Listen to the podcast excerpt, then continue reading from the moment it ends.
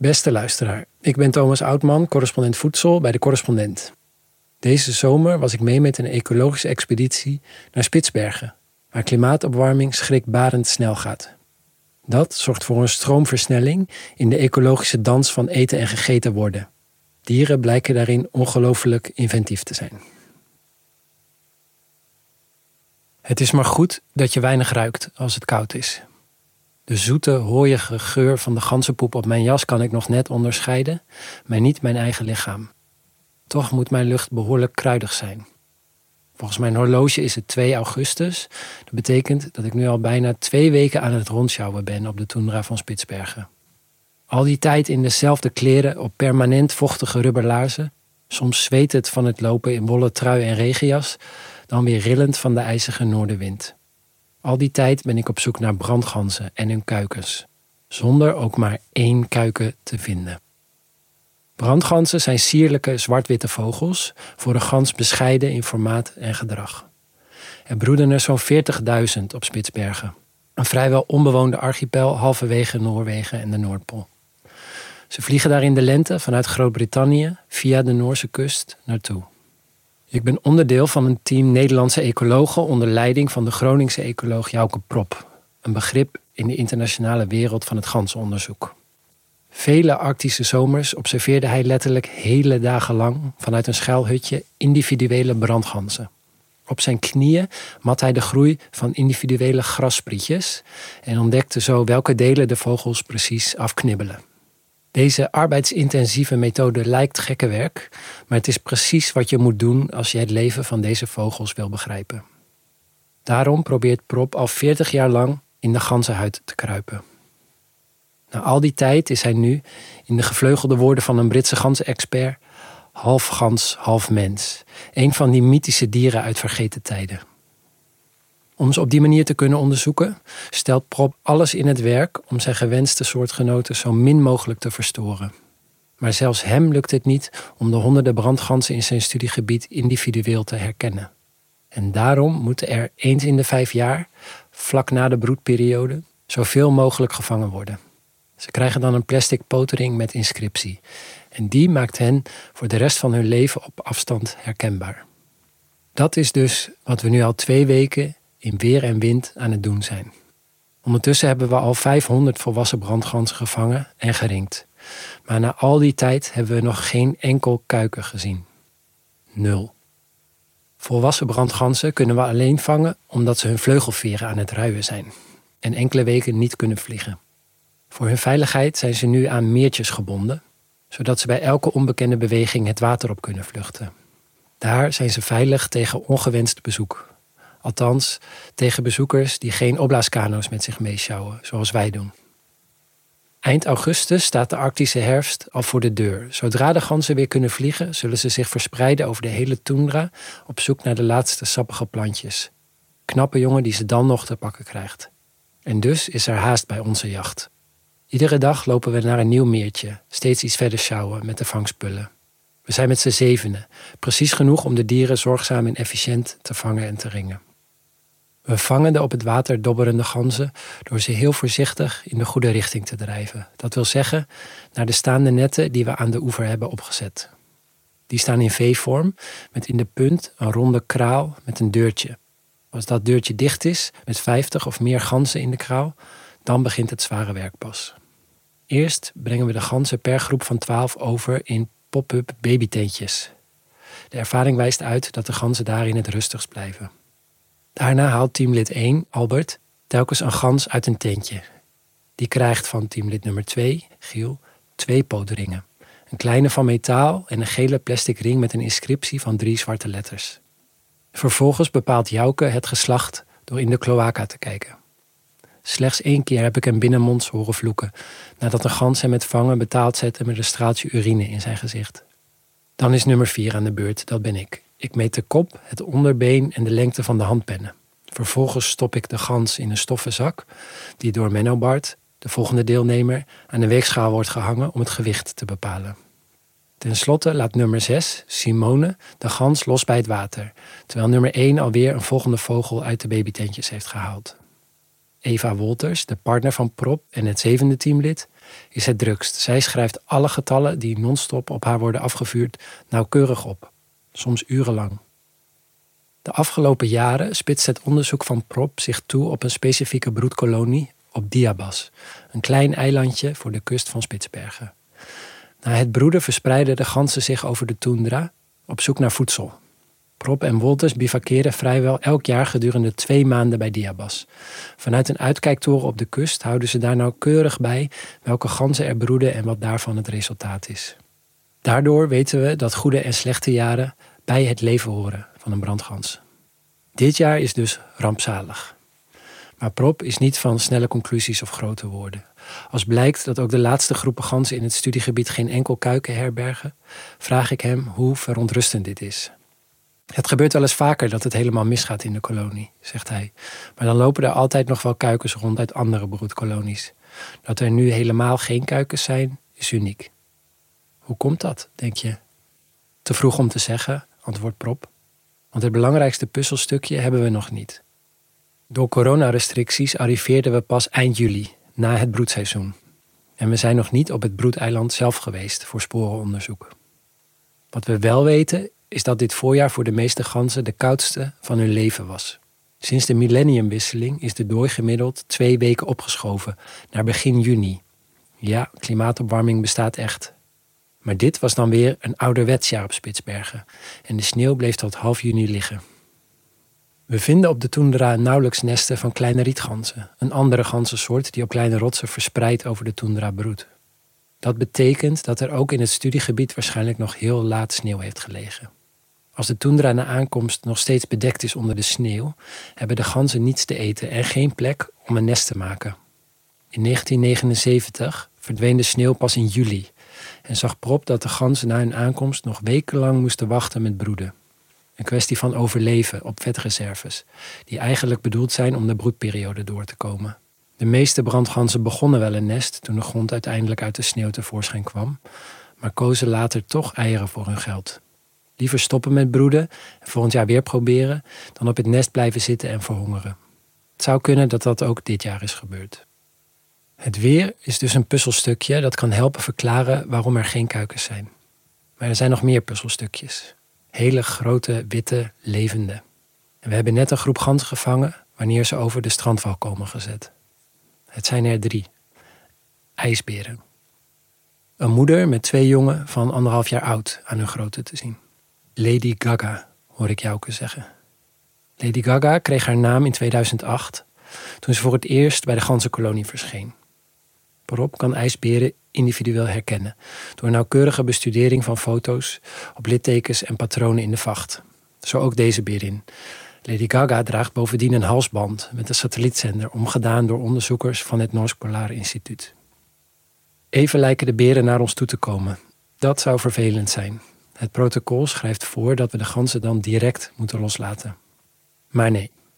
In plaats van om het meer heen te lopen langs de oever waaraan wij ons lopende bandwerk willen doen, glijdt Lady Gaga als een amfibievoertuig zonder vaart te minderen het water in. Precies op de plek waar we een half uur geleden nog in opblaaskano's de ganzen richting de netten manoeuvreerden. Haar kinderen springen erachteraan en zwemmen al dollend mee. Alsof ze niet in een ijskoud toendrameer zwemmen, maar in een zonnig pierenbadje. Verbazingwekkend snel bereiken ze de overkant, klimmen uit het meer en verdwijnen uit het zicht als ze druipend een drooggevallen rivierbedding inlopen. Grofweg in de richting van ons verlaten tentenkamp. Een klein uurtje gaans naar het noordwesten over de stenige tundra en door een sompig moeras. Als we drie uur later alle ganzen hebben afgewerkt en terug zijn gelopen naar het kamp met de netten en kano's op onze rug, zijn de beren alweer verder gelopen. Boven ons hangt een grijs plafond dat het midden houdt tussen mist en wolken. Maar het zicht daaronder is kraakhelder, dus we kunnen ver kijken over de boomloze vlakte. Door de telescoop zie ik op kilometers afstand een rots met twee bewegende kleine witte figuurtjes. Marfortjurna, zegt Jouke, doelend op de rots waar de jonge beren aan het ravotten zijn. Vermoedelijk zijn de beren ons kamp, beschermd door een hek van schrikdraad, snel voorbijgelopen. Het is onwaarschijnlijk dat Lady Gaga haar ervaring met het schrikdraad vergeten is. Jaren geleden kreeg ze eens een elektrische klap op haar snuffert. Geen levensgevaarlijke klap, maar een berenneus is een heel gevoelig orgaan. Lady Gaga is een van een groep klimaatvluchtelingen. Sinds het op Spitsbergen deze eeuw ineens veel warmer werd, verdwijnt het ijs op zee in de lente gemiddeld veel eerder en veel verder dan voorheen. Dat verkleint het jachtgebied van ijsberen. Zij zijn traditioneel afhankelijk van ademgaten in het zeeijs om op zeehonden te jagen. In de lente van 2004 tekende Prop op hoe er voor het eerst ijsberen achterbleven in zijn studiegebied, in plaats van mee te reizen met het terugtrekkende zeeijs. Hier leerden ze, misschien per toeval, een nieuwe overlevingsstrategie: ganzeneieren eten. Heel veel ganzeneieren eten. Dat beviel blijkbaar, want een aantal beren is dat daarna jaar op jaar blijven doen. Een daarvan was Mette, de moeder van Lady Gaga. En zo werd Gaga geboren in een leven waarin eieren eten heel normaal is. Ze leerde het van haar moeder als een van de vele jachttechnieken die een ijsbeer nodig heeft. En met succes, want dit is al de derde keer dat ze zelf jongen grootbrengt. Ganzeneieren zijn een uitkomst voor de beren die ze vinden, maar voor ganzen is de nieuwe eetgewoonte een ramp. Zijn ijsberen ook dit jaar mede verantwoordelijk voor het gebrek aan kuikens? Op een zonnige dag, waarop we even uitrusten van het vangen, kanoën, Prop en ik naar Diabas. We vinden er de resten van meer dan 100 brandgansnesten, waarvan we de posities opslaan in onze GPS-apparaatjes. Typisch predatie, zegt Prop als ik twijfel over de status van een nest waarin ik flinke stukken van een eierschaal vind. Maar dit dan, zeg ik. Ik zie geen omgekrulde vliesjes, zegt Prop. Deze eieren zijn opgegeten, niet uitgekomen. Zo proberen we van elk nest de geschiedenis te bepalen. Uiteindelijk turven we een handvol uitgekomen legsels. Erg weinig dus. Maar we vinden niet alleen eierschalen in nesten. In de luwte van een rots vinden we een paar grote vlaaien van uitgedroogde dunne poep, vol met stukjes eierschaal. Die kunnen alleen afkomstig zijn van een uitrustende ijsbeer, aan de dunne door een dieet van rauwe eieren. Sinds 2004 de eerste ijsberen opdoken op Diabas, wordt in sommige jaren bijna de hele kolonie opgerold door omeletlievende ijsberen zoals Lady Gaga. Daardoor is het aantal brandgans in het gebied aan het afnemen, ook dit jaar weer. Toch waren er tot nu toe elk jaar wel jonge ganzen te vinden, soms zelfs veel, omdat eieren al uitkwamen voordat de beren in de kolonie arriveerden. Het gebrek aan kuikens moet een combinatie zijn geweest van een ouderwets koud voorjaar en de aanwezigheid van ijsberen. De paar nesten die alsnog zijn uitgekomen, moeten ten prooi zijn gevallen aan meeuwen en polvossen. Regelmatig komen we dartelende jonge vosjes tegen. De toendra bij hun holen is bezaaid met afgekloven resten van brandganzen en kleine rietganzen. Voor polvossen betekenen de zwakke vogels een topjaar. Brandganzen zouden er waarschijnlijk goed aan doen om eerder te broeden. Ze zouden zo de grootste kans hebben om aan ijsberen te ontsnappen en het gras, hun voedsel, begint gemiddeld ook al eerder met groeien. Maar dat doen ze niet, zegt Prop. In twintig jaar tijd is de broedperiode maar een paar dagen opgeschoven. En dat terwijl de lente nu gemiddeld twee weken eerder begint. Wat gaan ze nu wel doen? Verkassen. En dat begint al bij de lentemigratie langs de Noorse kust. De meesten stoppen daar om gedurende twee tot drie weken als een gek zoveel mogelijk gras te eten en zo de vetreserves op te bouwen die nodig zijn voor de laatste etappe van de trekroute en de broedperiode. Dat deden ze eerst allemaal in Helgoland, halverwege Noorwegen. Maar in de jaren negentig besloten de eerste ganzen om door te vliegen naar Westeralen, 300 kilometer verderop in het noorden van het land. Nu, ruim 20 jaar later, doet de meerderheid van alle ganzen dit. En dat is niet voor niets. Hoewel de situatie per jaar erg kan verschillen, komen de frisgroene grasprietjes in de laatste 20 jaar gemiddeld net tevoorschijn als de ganzen arriveren terwijl het gras in Helgeland dan al veel ouder is en daardoor moeilijker te verteren. In plaats van eerder te vertrekken naar Spitsbergen in reactie op de klimaatopwarming, hebben de ganzen er dus voor gekozen om noordelijker te tanken. Maar het gevolg daarvan is dat ze nu in het nieuwe normaal op Spitsbergen eigenlijk te laat zijn voor de optimale broedperiode, omdat de lente daar ook eerder begint. Door die ene aanpassing sluiten de ganzen een andere uit. Het is een gok die dit jaar goed heeft uitgepakt. Als de ganzen twee weken eerder waren gearriveerd, dan waren ze nu misschien massaal verhongerd. Brandganzen leven lang, soms wel 25 jaar. Heel wat kansen om kuikens groot te brengen. Beter verlies je een paar keer je kroost aan een ijsbeer dan dat je bij een toevallige late lente zelf het loodje legt, wegens een gebrek aan eten. Want niet alleen neemt de gemiddelde temperatuur toe op Spitsbergen, ook de extreme nemen toe. En dat maakt het leven voor ganzen en andere dieren extra onzeker. Wanneer vertrek ik naar Spitsbergen? Waar begin ik een nest? Het zijn vragen die elke volwassen gans ieder jaar moet beantwoorden, anticiperend op wat komen gaat. Aan het eind van de expeditie hebben we meer dan 500 volwassen ganzen geringd en worden we opgehaald door een schip.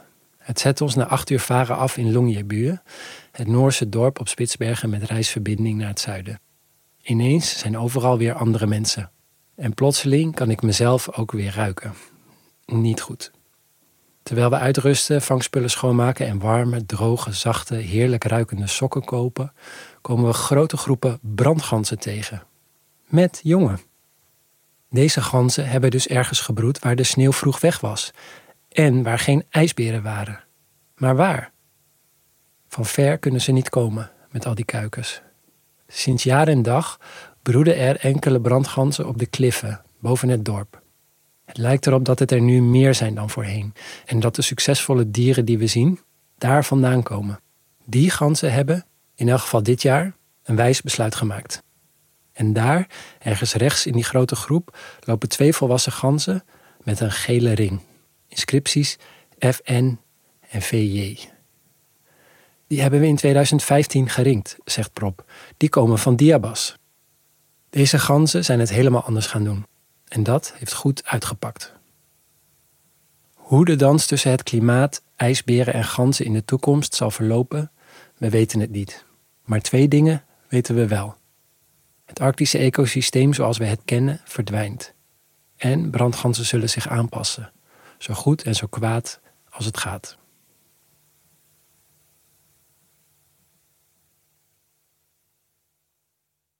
Maar mag ik u vragen waarom u vandaag zo boos bent, meneer Pronk? Want u maakt dit al twintig jaar mee. Ja, exact. Met u en met uw collega's. Dus ik weet niet meer wat ik en moet wat doen. is de reden waarom u nu zo verschrikkelijk boos Antwoord bent? geven of geen antwoord geven, het is nooit goed. En daarom weet ik het dus verder niet, dan ga ik nu vergaderen.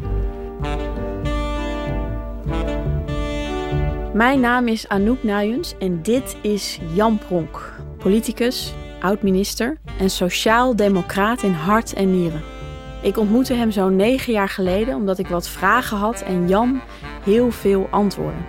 En sindsdien zijn we ja, vrienden. Hij werd vroeger wel eens het linkse geweten genoemd. En tot mijn schrik duikt hij nu soms ineens op als een stem in mijn geweten. Maar ik was toch jong, woke en feminist. Wat doet pronk dan in mijn hoofd? Maar dit mag je niet uitzenden. Nee, dat, we praten nog Waarom steeds niet. niet? We praten toch nog steeds niet? Ja, we zijn nu al aan het praten. Oh, dan moet je even stoppen. Nee, wacht even. Ja. Nou, heb, nou heb je mij verleid, omdat we nog niet begonnen waren. Nee, je hebt me toch een beetje verleid. Wat kunnen we van hem leren? Waar heeft hij spijt van? En waarom is de sociaaldemocratie zo uit de mode geraakt?